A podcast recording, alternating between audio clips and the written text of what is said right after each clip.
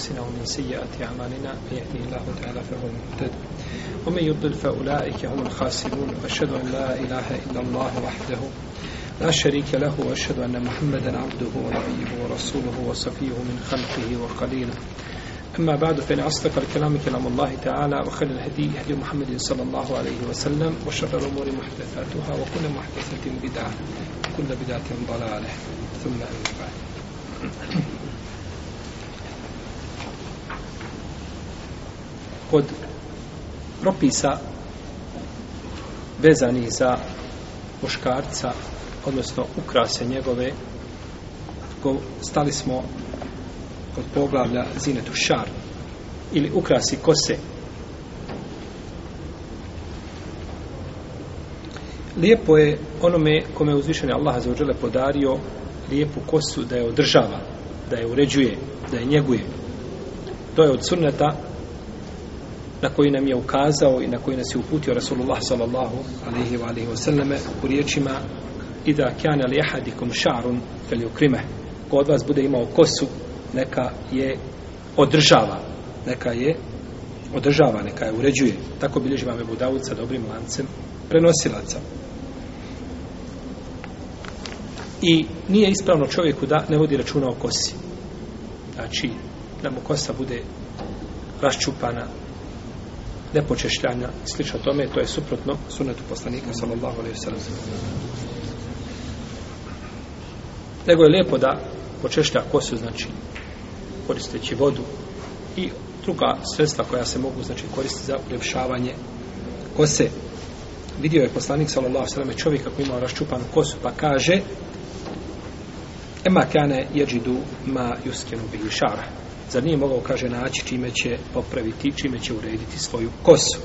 Tako bilježe Budavud i imam Enesaj sa vjerodostanim lancem prenosilaca. Kada čovjek češlja i kada uređuje kosu, lijepo je da počne sa desne strane. Kako došlo u hadisu Ajše radijallahu ta'ala naha da je poslanik sallallahu alaihi wa sallame volio da počinje sa desne strane u svemu. Je li tako kako smo spominjali u pretornom hadisu Ajše radijallahu ta'ala anha kada je u pitanju je li e, taharet kada je u pitanju obuvanje kada je u pitanju češljanje i u svim stvarima kako kaže Ajša radijallahu ta'ala anha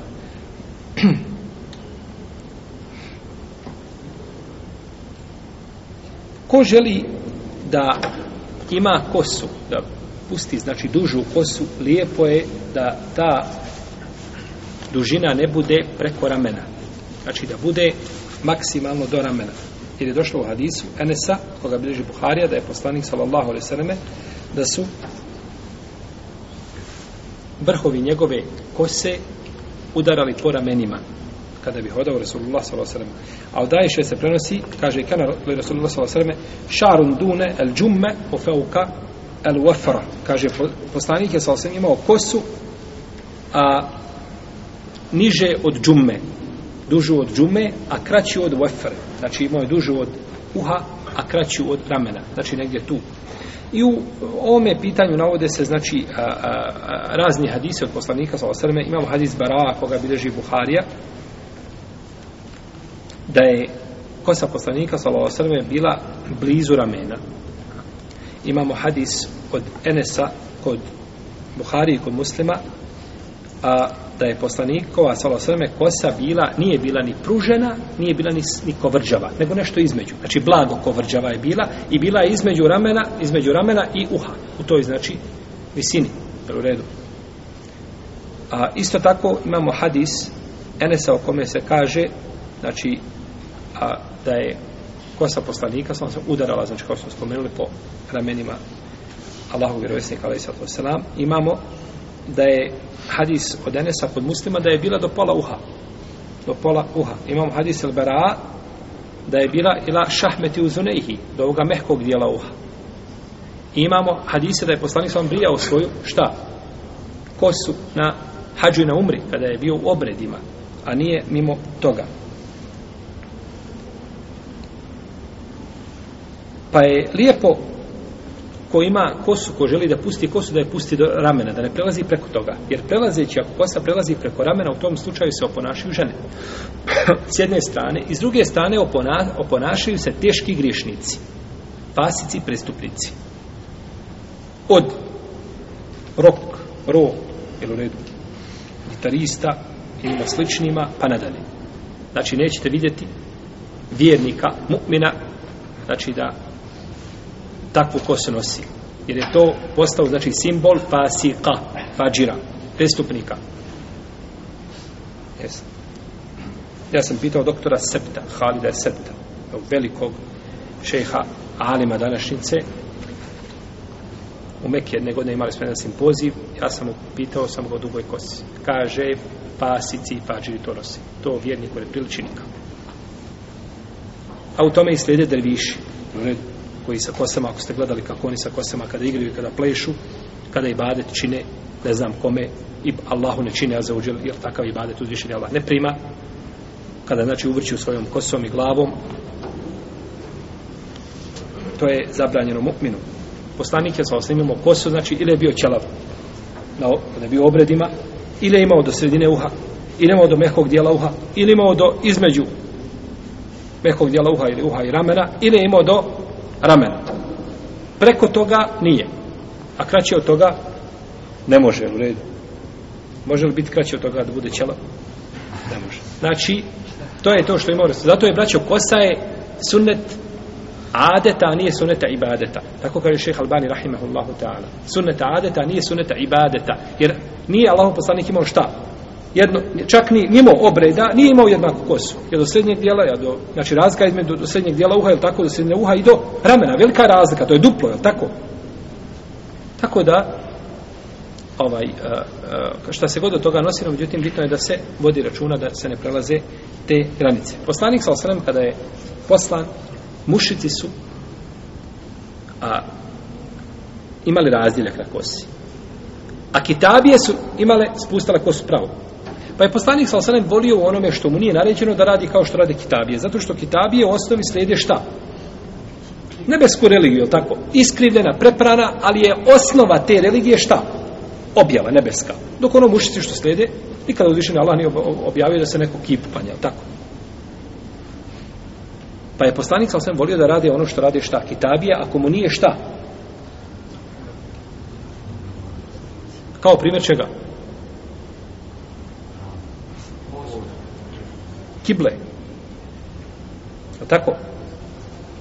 Molio je poslanik sam da slijedi kitabi ono u čemu mu šta nije? Pa se okretao gdje? Pa, pa kažu šta? Slijedi Muhammed, čekaj kiblu naš. Pa je uzvišen Allah objavio da se okrene prema pravcu, znači časnog ili devnog hrama, meke, jeli, na mjeseću do hrama. Pa je poslanik sam sam spustao kosu. Kada su mušici primili islam, i ušli u islam i nestalo širka a ehlul kitab je ostali mnogi na svojoj vjeri kakva je bila a? e onda je poslanik sam razdijelio prvo je razdijelio pa se je razlikao od koga od mušika zato što su mušici bili žešći u svome šta nevjerstvu pa kad je nestalo mušika onda je radio suprotno kome kitabijama onda je razdijelio sallallahu ala rasulina jesu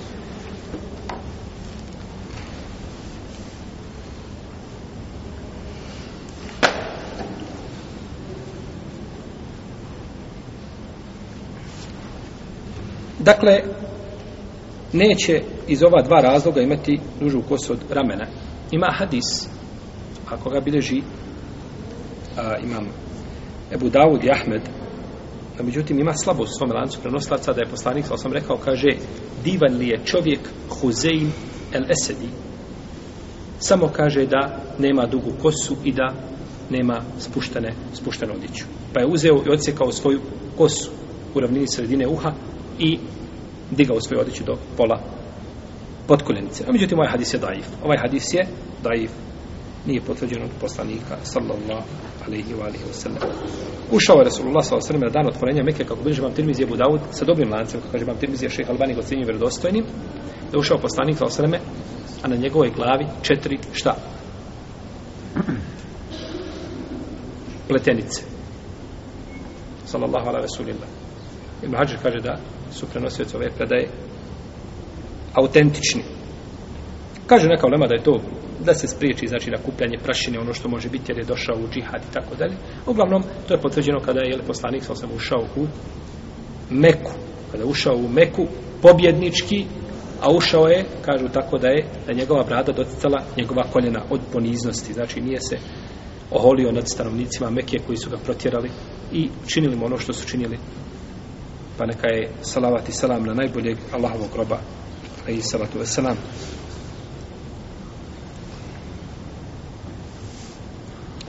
došla je zabrana neha ani tarađuli illa ghibba zabranio je poslanik sa da se čovjek češlja osim ghibben ghibben je u arapskom jeziku da se dan češljaš dan ne češljaš ovdje se hoće kazati da je zabranjeno čovjeku da stoji stalno pred odgledalom i da se licka u redu počešljaš se, završiš to i završeno, ne stalo, da samo je malo, dok se odvojio negdje, a nema odmah si to izvukao šta, ogledalo i pregledaš se. To žene rade tako. tako. Ko žena je bitno da je uvijek uređena, da uvijek, jel? To nije svojstvo muškarca. Jer je to ne pretjerivanje, je tako, gubljenje vremena, da tako nosiš musa sa svom, gdje god imaš minut svom da otvoriš bio hafi za dvije godine. Je tako? No, međutim, češalj da se nosi i ogledalo je stalno da se insan pretpete sa kosa jedne, sa jedne strane i sa na druge. Nisi ti ljepši, niš ti takav kakav se uredi. Allah te stvorio tako kakav jesi. Bitno je da se urediš i da čovjek je sumanala. I ova vjera je, braćo, vjera stvarno. Nema pretjerivanja i nema nedotjerivanja. Neće ti vjera kazati da pusti se, budi takav. A neće ti vjera kazati uzmi i stoj, znaš, samo se uređiva i dan i noć. Kao da, si, kao da te Allah postao na ovaj dunjalku i zada što ljepši kad vidiš na ulicu. Ne, čovjek treba da bude lijep, no međutim čovjek ne smije da pretjeruje u tom, u tom šta? Pogledu. Zabranjeno je muškarcu da čupa bijele dlake.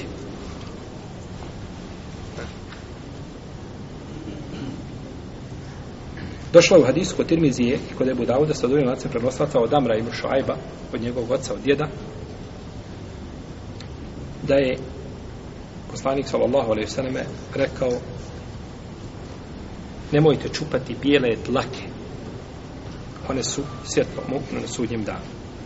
I kaže Enes, kako bilježi imam muslim svome sahihu, prezirali smo da čovjek čupa bijele dlake iz znači, glave ili iz brade. Znači, ne treba čovjek dirati. To je tako Allah stvorio ostalo. Ono što opadne prilikom kupanja, prilikom uzmanja abdesta, to je a, No međutim, mimo toga ne treba čovjek, jer to će biti svjetlo. A svaka ta dlaka je nova nada da čovjek šta? Ha? Da uspije, jel tako? Možda ti na kraju bude falila ta jedna dlaka ha? Ko, u, obje, da se objelio u islamu. Nije dlaka ovdje za nego stvar je da si ti objelio šta u, u islamu, da se objelio u imanu.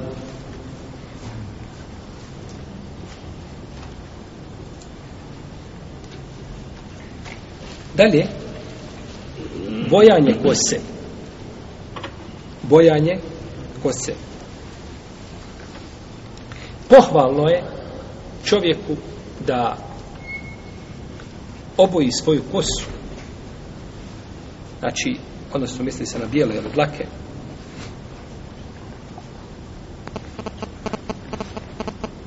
Prenosi se od džabira da je poslanik sa osreme da mu je doveden Ebu Kuhaf, to je otac Ebu Bekra, na dan ospenjenja Mekke i uslovljenja Mekke, pa je vidio da su njegova brada i kosa kao bili cjetovi, pa kaže, kaj je kaza u džemni gubu sevan.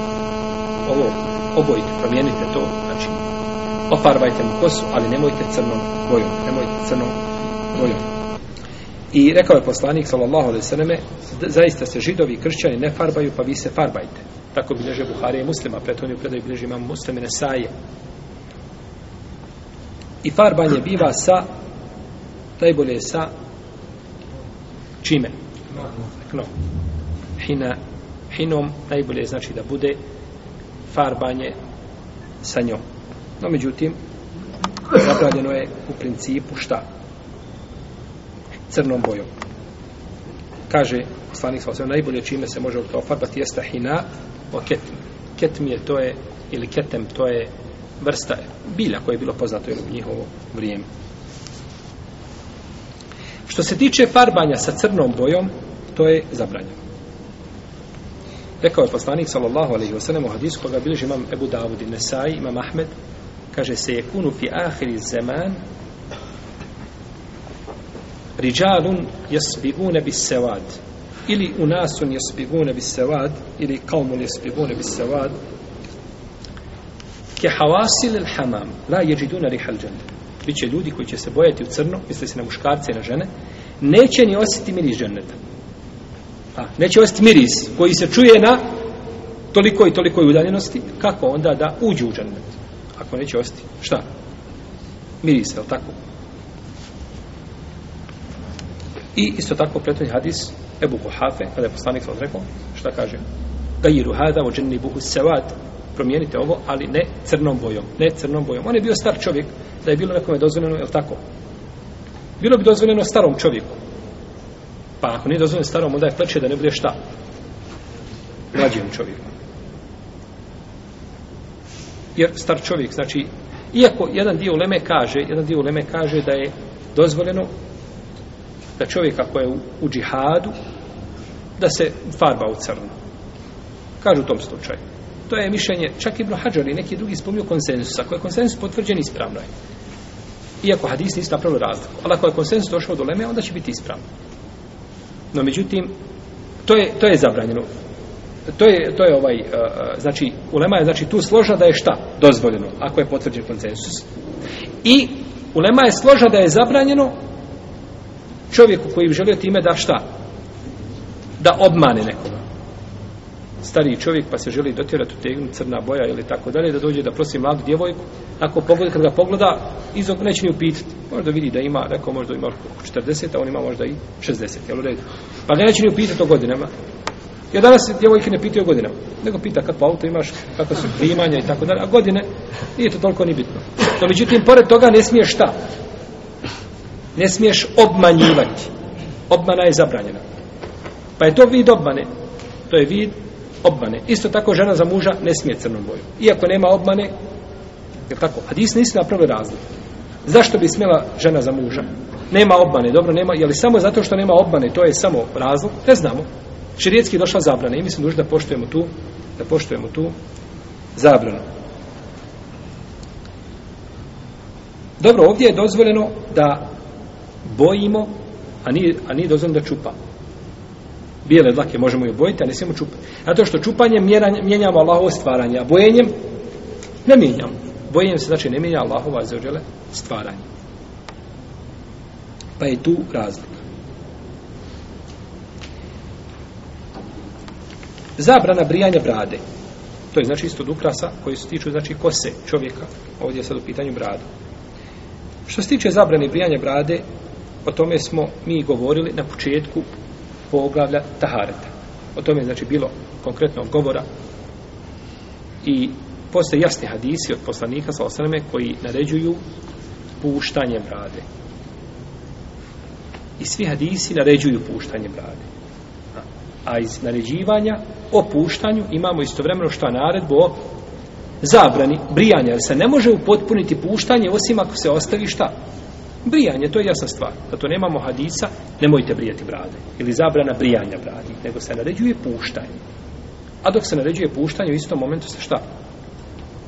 Znači, naređuje i zabrana brijanja, jer ne može se upotpuniti. Nelogično je, znači, da kažemo, jeste naređeno je puštanje, nije zabranjeno brijanje. Jer ne možeš, znači, upotpuniti to puštanje, osim zabranom brijanja prije, prije toga. Pa nećemo ništa više spominjati. O ome pitanju smo govorili, znači mislim da je pitanje jasno svakome ko želi ovaj, da uzme a, pouku. Osim što bi volio samo da pročitamo nešto ovaj o tome što su hanefijski učenjaci kazao. Pošto se danas ljudi često ovaj, šta godim godi duši, kažu to je hanefijski mezeb. Kako god kažu hanefijski mezeb, po hanefijskom mezebu se može. A nije tako. Ni po hanefijskom, ni po drugim mezebima jer je hanefijski mesep kao i drugi mesep. Ima negdje stvari gdje je, znači, ovaj, eh, eh, stroži, negdje stvari gdje, gdje su određene olakšice kazane, kao i drugim mesebima, no međutim da se tako uzme općenito da se kaže po našem mesebu, hanefijskom, tako, nije tako. Hanefijski mezeb je naš mesebi. I šafijski i maliki, to su naše mesebi. No međutim da se uzima tako i da se igra sa riješima učenjaka, to nije dozvoljeno. Pa ćemo samo ovaj da ćeš nam ti dar proširiti ovo. dole od jedinice počne na ovoj strani na kraju Imam Šimsudin Esarhasi. Esarhasi. Imam Esarhasi je umro 496. godine i on je najveće, znači, hanefijske uleme. O, o, znači, on je od prvaka hanefijskog, znači, ima knjigu Al Mepsud, koja je štampana u 25 tomova i ona je temelj, ili od temelja, najveći temelja hanefijskog fika. Jesi.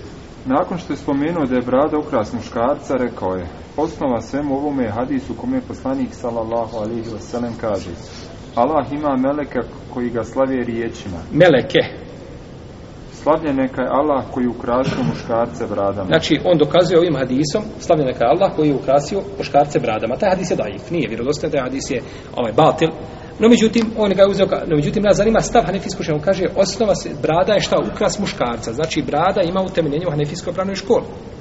Jeste. Na drugom mjestu imam Esrhasi e, kaže, u bradi je ljepota muškarca. I, e, u bradi je ljepota muškarca. Jeste. Imam Alaudin El Kasani, umro 587. hiđarske godine, rekao je, Brijanje brade tretira se masakriranjem lica, jer je uzvišeni Allah ukrasio muškarce bradom kako se prenosi u hadisu. Allah ima meleke koji ga slavije riječima. Slavlja je neka Allah koji ukrasio muškarce bradama. Dakle, isti hadis.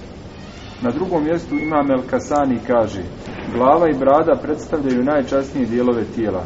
U glavi se nalazi, nalaze mozak i čula, a brada je dio lica. A lice je jedan od najčasnijih dijelova tijela. Pogledajte kako dokazuje imam Kjasani, Ebu Brkav Kjasani, da je, da je ovaj, uh, Ibn Mesaud, jeli, da je, da je ovaj, eh, jedna, uh, da je brada znači od najčasnijih dijelova čovjekovog ovaj znači lice a brada je sasvim dio lica a imam Melki Asani za njega kažu Melikul Ulema kažu da je on kralj Uleme tako, takav je naziv dobio Melikul Ulema jest Imam Burhanuddin El Merginani Burhanuddin El Merginani jest umro 593. hijđarske godine rekao je Brijanje kose kada je u pitanju žena predstavlja njeno masakriranje. Isto kao što je to brijanje brade kod muškaraca. Aha, brijanje brade kod muškaraca je šta? Masakriranje. Kao što žena da, da obrije glavu. Ovo brijanje glave ženi je haram, što ćemo, o čemu ćemo govoriti. Imam Kemaluddin bin El Humam, umro 681. hijđetske godine, rekao je Kada je u pitanju brada, sunite da bude u dužini šake, a ono što prijeđe preko dužine šake treba odsjeći. Što se tiče znači, kraćenja... Znači vidimo, treba znači da bude u dužini šakija, a ono što se pređe preko toga, sjeće se, dobro. Što se tiče kraćenja brade, više od toga, to jest od dužine šake, kao što čine neki zapadnjaci, to jest ljudi sa zapadnog dijela tadašnje islamske države i muškarci hermafroditi, to jest dvospolci, to apsolutno niko nije dozvolio. Znači, hanefijski učenjac, to je poznato kod njih, znači da kažu da kraćenje brade mimo dužine šake nije niko dole me dozvolio ja nisam nikad našao Alima da je rekao da je to dozvoljeno. Jesi. Imam Fahrudin Ezeleji, umro 710. hijđarske godine, rekao je, brada je ukras muškarca, kako se navodi u hadisu. Zatim je citirao prethodno spomenuto predanje. Imam Bedrudin El Aini, umro 855. hijđarske godine. Bedrudin El Aini, on ima komentar na Buharin Sahih u 25 tomova, zove se Umdetul Kari. Znači tamo u Buhari, kako je čital, dole se piše Umdetul Kari, šta Ajni prenosi od Ajni od Ibn Hađara, najviše korišten komentar, to je od najboljih komentara Buhari, jeste. U komentaru hadisa u kojem poslanik sallallahu alaihi wa sallam naređuje puštanje brade, kaže Pod puštanjem brade podrazumijeva se puštanje sve dok brada ne dostigne bujnost. Znači, brada dok dostigne bujnost, to je puštanje brade. Jeste. U drugom dijelu imam El Ajni, nakon što je spomenuo prijetodno citirane riječi imame El Merginanija, Brijanje kose kada je u pitanju žena predstavlja njeno masakriranje, kao što je slučaj s brijanjem brade kod muškaraca. Znači isto stvar potvrđuje imam ko? Lajni, da ne bih rekao, to je mišljenje jednog učenjaka. Ne, to je poznato u Hanefijskoj pravnoj školi. Jes. Na te riječi rekao je, masakriranje je haram, nije dozvoljeno. Znači imam, šta, Lajni kaže, braći, ovo je, ovo je jedan od, od veliki, nakon imama je Zeyle'ija, od najveći muhaddisa Hanefijske pravne škole, imame Lajni. I kaže, znači, otvoreno jasno da je brijanje brade haram. Jesi. Imam Zainuddin bin Nuđem umro 970. hijđarske godine pojašnjavajući hadis u kojem poslanik sallallahu alaihi ve sellem naređuje puštajte brade, rekao je. Pod puštanjem brade podrazumijeva se puštanje sve dok brada ne dostigne bujnost. Na drugom mjestu Ibn Nuđem kaže sunica da brada bude u dužini šake. Zatim je rekao, brijanje brade je masakriranje lica. Imam Ali El Kari umro u 1014. hiđretske godine. Pojašnjavajući hadis u kojem poslanik sallallahu alaihi veselem kaže puštajte brade, rekao je. Pod puštanjem brade podrazumijeva se puštanje sve dok brada ne dostigne bujnost. A zatim je rekao Brijanje brade danas je simbol mnogih mušrika koji nemaju udjela u vjeri. Na drugom mjestu Imam El Kari kaže Knijenje, to je zbojenje brade, je sunet u istom dijelu Ali Al-Kari komentirajući hadis u kojem poslanik sallallahu alejhi ve sellem zabranje ženi brijanje glave kaže ženi nije dozvoljeno obrijati glavu osim u nuždi jer se to tretira masakriranjem isto kao brijanje brade u pogledu muškarca Imam Alaudin Al-Haskefi umro 1880. hijđarske godine kaže kada je u pitanju brada sunete da bude u dužini šake ono što prijeđe preko šake mora se odsjeći A što se tiče kraćenja brade više mimo toga, to jest ispod dužine šake, kao što čine neki zapadnjaci, muškarci, hermafroditi, to jest dvospolci, to apsolutno niko nije dozvolio, a njeno potpuno brijanje postupak indijskih židova i vatropoklonika.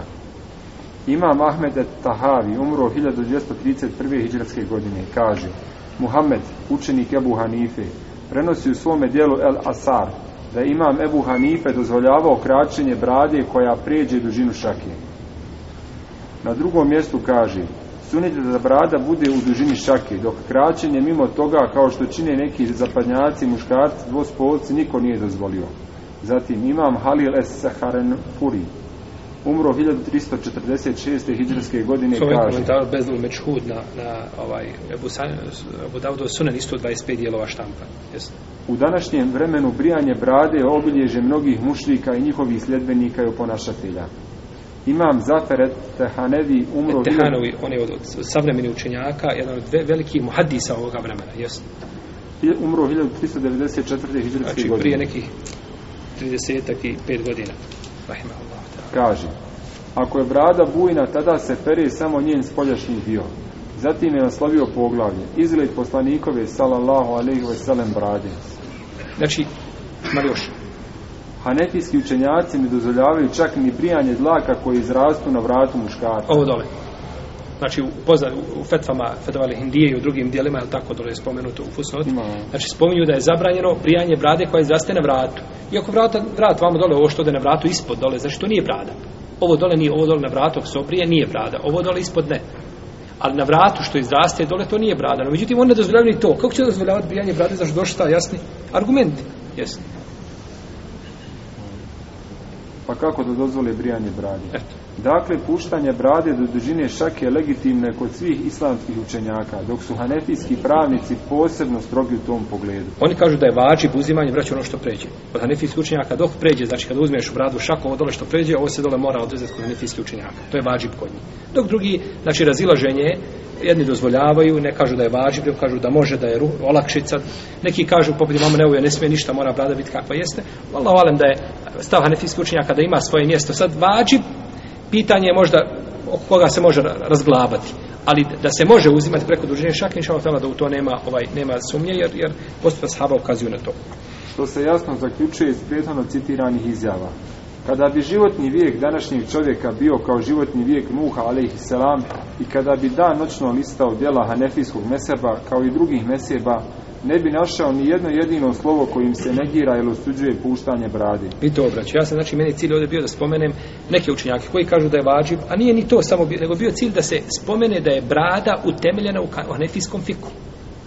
Znači, i ne možeš kada bi vrtio po hanefijsku, kada bi se slomio oči, kada bi izgubio vid tri puta da nađeš jedno slovo da ne kaže, a što brada, to nikada nećeš naći to nikada neće naći. To je znači kod džahila, kod neznalica, koji nikada nisu otvorili knjigu fika i da uče i da čitaju, i u bilo kom drugom fiku na zemlji. A pouzim, preruči po šitskom fiku, isto ćeš naći ovaj, jel, tako, fiku, skupina koje zalutale se sa pravog puta, a da ne govorim kod, kod ehlu suneta, znači stvar jasna kod dan. Naprotiv, svi hanefijski učenjaci jednoglasno potvrđuju legitimnost ovoga propisa i spominju ga samo u pohvalnom kontekstu. To je u svakom slučaju, vraćao nešto ovaj, a, vezano i ovo kada čovjek čita braće onda vidi znači da da je hanefijski mezheb jedno a ono što mnogi žele da priheftaju uz hanefijski mezheb da je to potpuno drugo isto tako popiri isto tu istu stvar imate u šafijskom mezhebu malikijskom hanbelijskom neko kad hoće da neko miše da je žestoko kaže ovo je hanbelijski mezheb ne hanbelijski mezheb je nešto što što je žestoko a kad hoće nešto blago kaže ovo je hanefijski mezheb nije takva situacija ko je to rekao u mnogo slučajeva hanefijski mezheb je žešći od hanbelijskog No međutim, to su mučtehidi i ulema koji je štihadila, ali nije dozvoljeno, jer je nepravda je velika da mi pripišemo hanefijskom mensebu da je bradu dozvoljeno brijati ili da je brada da nema osnovi sa, sa vjerom i tako dalje. To je, to je veliki zulm i nepravda prema Ebu Hanifi i prema svim hanefijskim učenjacima. Rahimahullah, rahimahullah, Dobro, imamo znači puštanje brade, imamo braću kraćenje brkova. Kraćenje brkova. Kraćenje brkova od fitre, čiste, znači urođene ljudske prirode, da čovjek krati brkove da krati brkove jer je došlo znači u hadisku Buhari kod muslima da je to fitra i poslanik je sam sve naredio kaže a, džuzu ševarim, ah u ševarim kratite brkove kratite brkove i rekao je poslanik sa osvemu hadisku koga bilježava Ibu Davud lej se minna men nem jehuz min ševaribe nije od nas onaj ko ne krati svoje brkove one brkove veliki, znači oni bujni brkovi što smetaju čovjeku i da jede i da pije i, i njegov, njegov izgled znači ovaj čine ružnim to nije od sunneta poslanika za osaname ovaj ni u čemu znači dužan se čovjeku da krati kraćenje brkova prši se braću tako što se krate brkovi do gornje usne znači samo se odreže ovo što pređe preko gornje usne to se odreže što pređe do gornje. I to je poznato kod islamskih učenjaka. Ili drugi način da se sve skrati ovako. Znači sve da se skrati i da se istanje brkovi i hadisi koji su došli u tom kontekstu, oni su znači a, oni govore o je li kraćenju tako da se može primijetiti koža ispod čega? Ispod znači brkova. Tako da se može primijetiti koža jedno i drugo je dozvoljeno. I na jedno i drugo ukazuju argumenti. Jer kada se vratite na riječnike jezika i kad pogledate značenje ovdje reći džuzu ševari, znači kraćenje u korijenu. I bitno je znači da skrati. Brijanje, oko brijanja postoji razilaženje među islamskim učenjaca. Neki su dozvoljavali, neki su zabranjivali. U svakom slučaju kraćenje, znači ovaj kraćenje brkova je dozvoljeno na ovaj na onaj način i u tome inša Allahu Teala nema nikakve smetnje.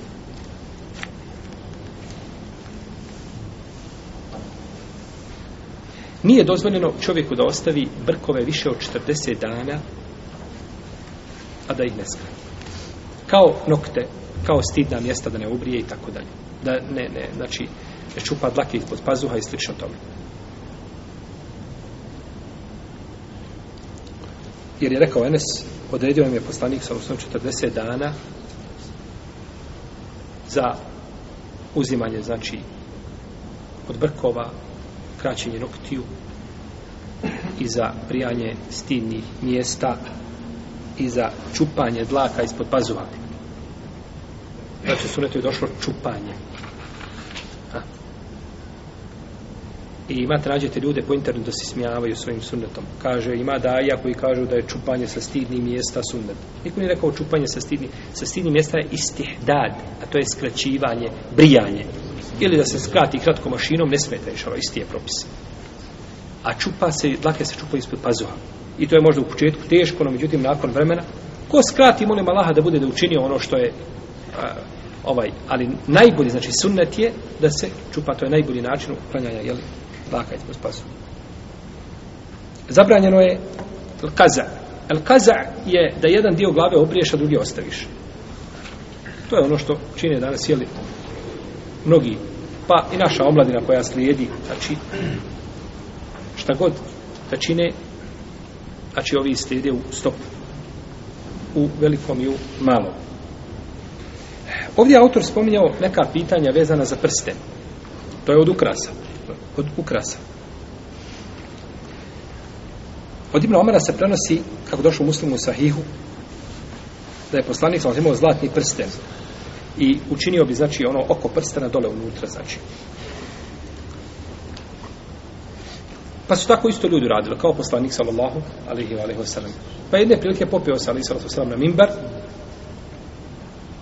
i rekao ljudima kaže ja sam napravio sebi prsten ovakav i ovakav i učinio sam znači taj to oko dole unutra mana kaže tako mi Allah ja to neću nikad više pa je šta time prestao da nosi. Međutim, ashabi su prije sebi što napravili isto prstenje. Pa nisu ashabi htjeli to prihvatiti. Kažu, nećemo Allahu poslaniću, to je prsten, to je ukras. Pa su osam dana sa njim raspravljali. Neće ashabi da prihvate. Je li red? Pa tako bilo? Pa naravno da nije. To bilo tako da smo mi bila ashabi. Mi bi smo poslanika za 15 dana se raspravili, Allahu poslaniću čeka, Allahu poslaniću, pa bi pokušali ubijeti Allahu poslanika, šta? da je to prsten koji na ruci ukras lijepo čovjek koji je lijepo muslimanu da bude lijep Allah je lijep voli spomenuo bi neke hadise njegove rekao Allah pa da nisi rekao Allah je lijepo voli lijepo je tako ha i mi bi se sa njim iz tog momenta kada je rekao šta ni bez pitanja ikakvog Allah poslanik kaže ja to neću više i onda najdeš na ljude kažeš Allah poslanik zabranio prste muškarac da nosi zlato a na tebi je iz tog momenta da ga skineš To je pokornost. A nije pokornost da se raspravljaš i da trebaš Isto kao kada je poslanik zaklanja ovaj, tako papućama i šta? Izo papuće u namazu. I su sahabi rekli, Allah poslanicu, ti si izo, ti jesino. Međutim, mi klanjamo iza tebe. To je tvoja stvar što si izo. Mi klanjamo i dalje u papućama, ispod kamenje, vruće, bode. Iz tog momenta, pa kaže, što ste to uradili? Kaže, Allah poslanicu, vidjeli smo tebe, tako smo ime uradili. E tu je, braće, razlika među njih, zato što njima nisi morao pojašnjavati i sjeckati i na kaškicu davati nego mu kažeš tako je i on prihvati propis i radi. No, međutim, danas, kad čovjek hoće da ukaže njegovu grešku, moraš ga pripremati 15 dana. A pripremaš teren, pripremaš da ne ljuče se čovjek, je tako? Pa je ovaj, To je razlika među dvije generacije. Ne želim ja kazati da su svi muslimani takvi, ne želim biti pesimista, bo ima vjernika koji znači jedva čeka da mu kažeš propis prirodi, no međutim ima puno ljudi kome kada hoćeš nešto kazati znojite oblije. Jeste da dođe da te poljubi u čelo kad mu ukažeš na grešku, jer onaj ko ti ukazuje braću na grešku, daj te voli i taj ti želi dobro. A onaj ko ti laska i ko ti glacka, lako je način ko ti laska i glacka. To je lako. Nama ne trebaju takvi, nama trebaju ko će doći da ti ukaže na grešku bratski na lijep način. jest. Znači, ashabi su šta? Istog momenta se pokorili. Ono 8 dana i 15 dana, nema toga ništa. U redu. Ovo je dobro zauzeti nešto iz konteksta. Jel u redu. A međutim, i mi pojašnjavamo ponekad određena stvar biva upečatljivija, možda ako se na pojasni na specifičan način. Došlo u hadisku od Ebu Horeire, od Ebu Horeire, kod Buharije, da je poslanik sa osreme zabranio da čovjek nosi zlatni prsten. I došlo je u hadisku od muslima da je poslanik sam vidio oko čovjeka zlatni prsten i ovo potvrđuje prethodno značenje. Pa je skinuo taj, strgao taj zlatni prsten i bacio ga, kaže, zar mi neko dolazi od vas, a na njegovoj ruci žaravica džahemenska. Pa je otišao poslanik sam. Kažu vam, sahabi, uzmi prsten, pretopi ga, iskoristi ga za nešto drugo. Pa kaže, Allah, neću nikada uzeti ono što je bacio Rasulullah, sallallahu sallam. I ostavio ga, znači nije ga više koristio. Nije ga više šta koristio. I došlo kad imama Ahmeda i kod Hakime Tabaranije se dobrim lancem prenoslaca da je poslanik sa rekao ko vjeruje Allah i u sudnji dan neka ne oblači svilu i zlato. Svilu i zlato. I došao dalje radi Allah talanu da je poslanik sa uzeo šta? Svilu u jednu ruku, zlato u drugu i rekao ovo je zabranjeno šta? Ženama moga umeta dozvoljeno Je tako? Zabranjeno muškarcima ovoga umeta, dozvoljeno šta? Dozvoljeno ženama. I ovaj hadis znači ne ide u prilog nikova neko nas izgleda. Dira u njegovu muškost, je tako?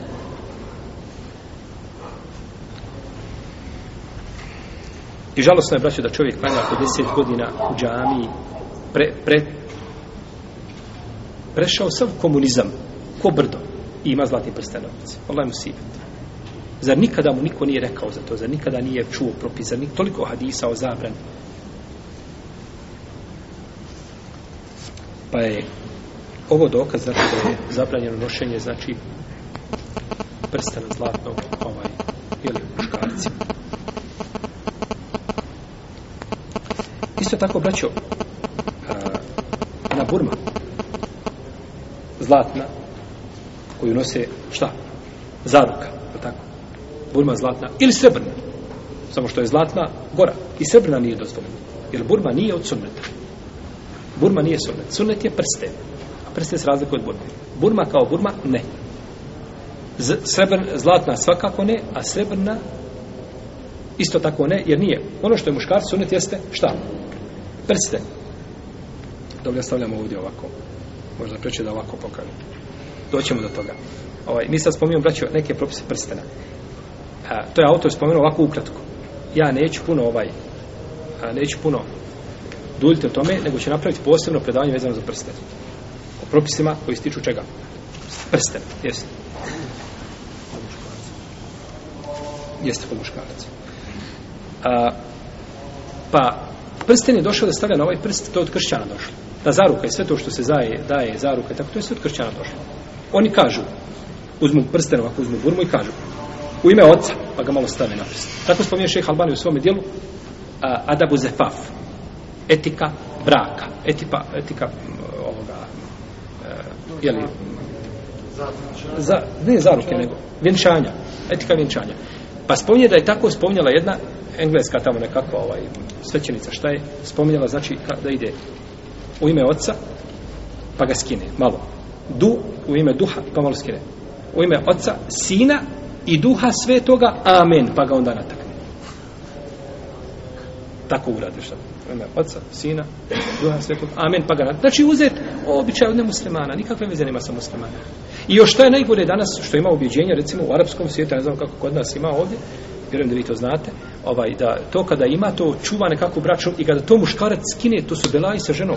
Ne može ne smirti tako to je znači i to moraš nositi da bi ti negdje pokazao kako je kako ima ženu je kako ne bi ovaj kako se zauzeti je to se više danas ne gleda je tako znači ovaj a, da, da se ti tom znači tom metalu da se daje takva da ono čuva brak bračnu znači, vezu s te strane može biti širk a tako kako kaže šejh šejh Ibn Sina rahimehullah taala i drugi pa to zabranjuju znači s te strane ne može nikako poslužiti ovaj ne smije se znači to koristiti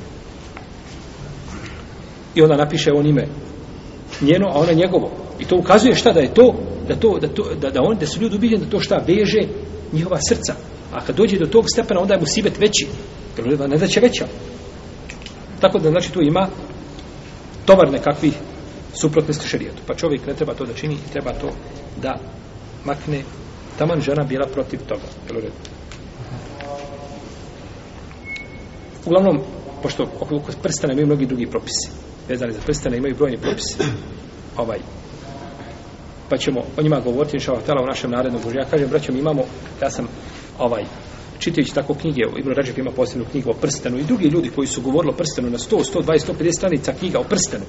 Mi imamo, vallahi, braće, o prstenu, imamo više materijala napisanog u neku neku svoju akidu. Sve ono što ima, sve nešto na gađanje, na badanje. I o prstenu, o propisima prstenu, vama razbrana na stotine stranica. Ja, rabu. Šta misli kakva je to vjera? O prste, što je prsten? Ja ni mogu ja ne, u šta je tu, čem svoj vjer bio, bio ti će biti musliman bez prsta, nikakve problema nema. I vidjet ćemo propis prstena, znači da je prsten mu da je to ispravno kod islamskih učenjaka. No međutim, hoćemo kazati ovaj, koliko, je, koliko je ova vjera za, zasjeca u sve pore čovjeka života, pa čak i kako će se ovaj nositi, kako će, kako će čak i prsten staviti na ruku, kakve vrste, šta smije, šta ne smije. A, doćemo do prstena, zlato, srebro, ne znam, željezo, željezni prsten, kakav je propis. Čemo tada da ćemo o tome govoriti ovaj, jedne druge prilike čovjek može nositi srebrni prsten. Srebrni prsten može nositi. Znači da je poslanik sa osebno nosio srebrni prsten i na njemu je bilo napisano šta? Muhammed Resulullah. Jesu. Muhammed Resulullah.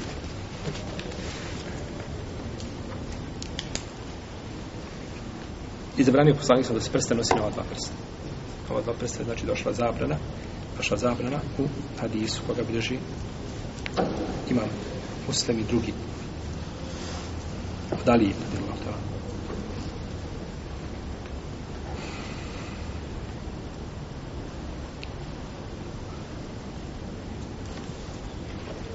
zlato za nuždu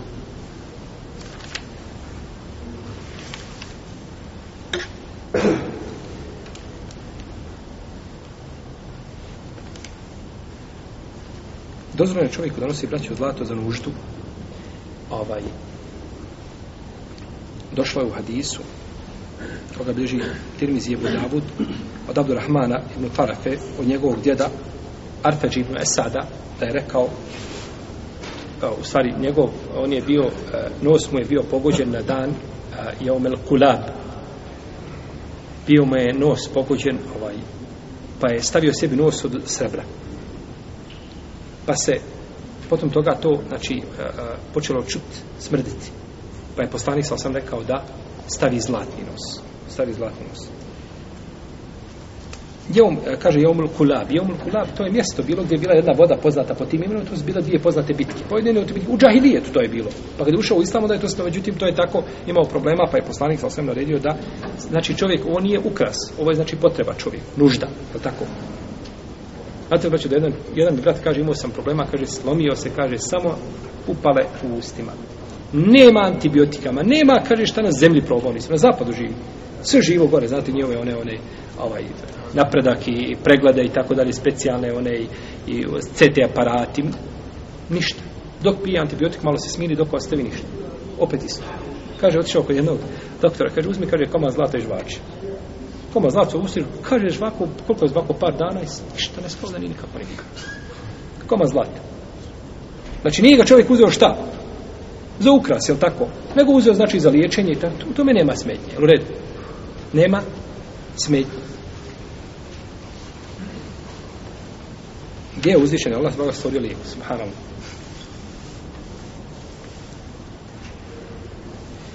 Isto tako ovaj a, korištenje, na primjer, kaže Imam Hatabi za vezanje zuba. Uvezivanje zuba nitima zlatnim. Imam Hatabi je, braćo, Ebu Suleman al-Hatabi umro 388. hijđarske godine. Znači, u četvrtom hiđarskom stoljeću oni su imali već razvijenu, znači, medicinu čega spajanja zuba. Jedan mi je ovdje pričao naš brat doktor. Kaže, mi kada smo učili, kaže, ovaj, a, u stomatologiji, jel, da su ljudi davno, prije hiljade godina, imali, kaže, razvijenu stomatologiju, kaže, koja liče našoj današnjoj odvezanja zica, ži, ovaj, zuba, postanja, znači stavljanja, znači oni, jel, umjetnih ovaj jel, mostova i tako da se to sve ima. Salamu alaikum. Tvadale šehr. Tvadale stena. Jel, ala berakitillah. Jel, bismillah.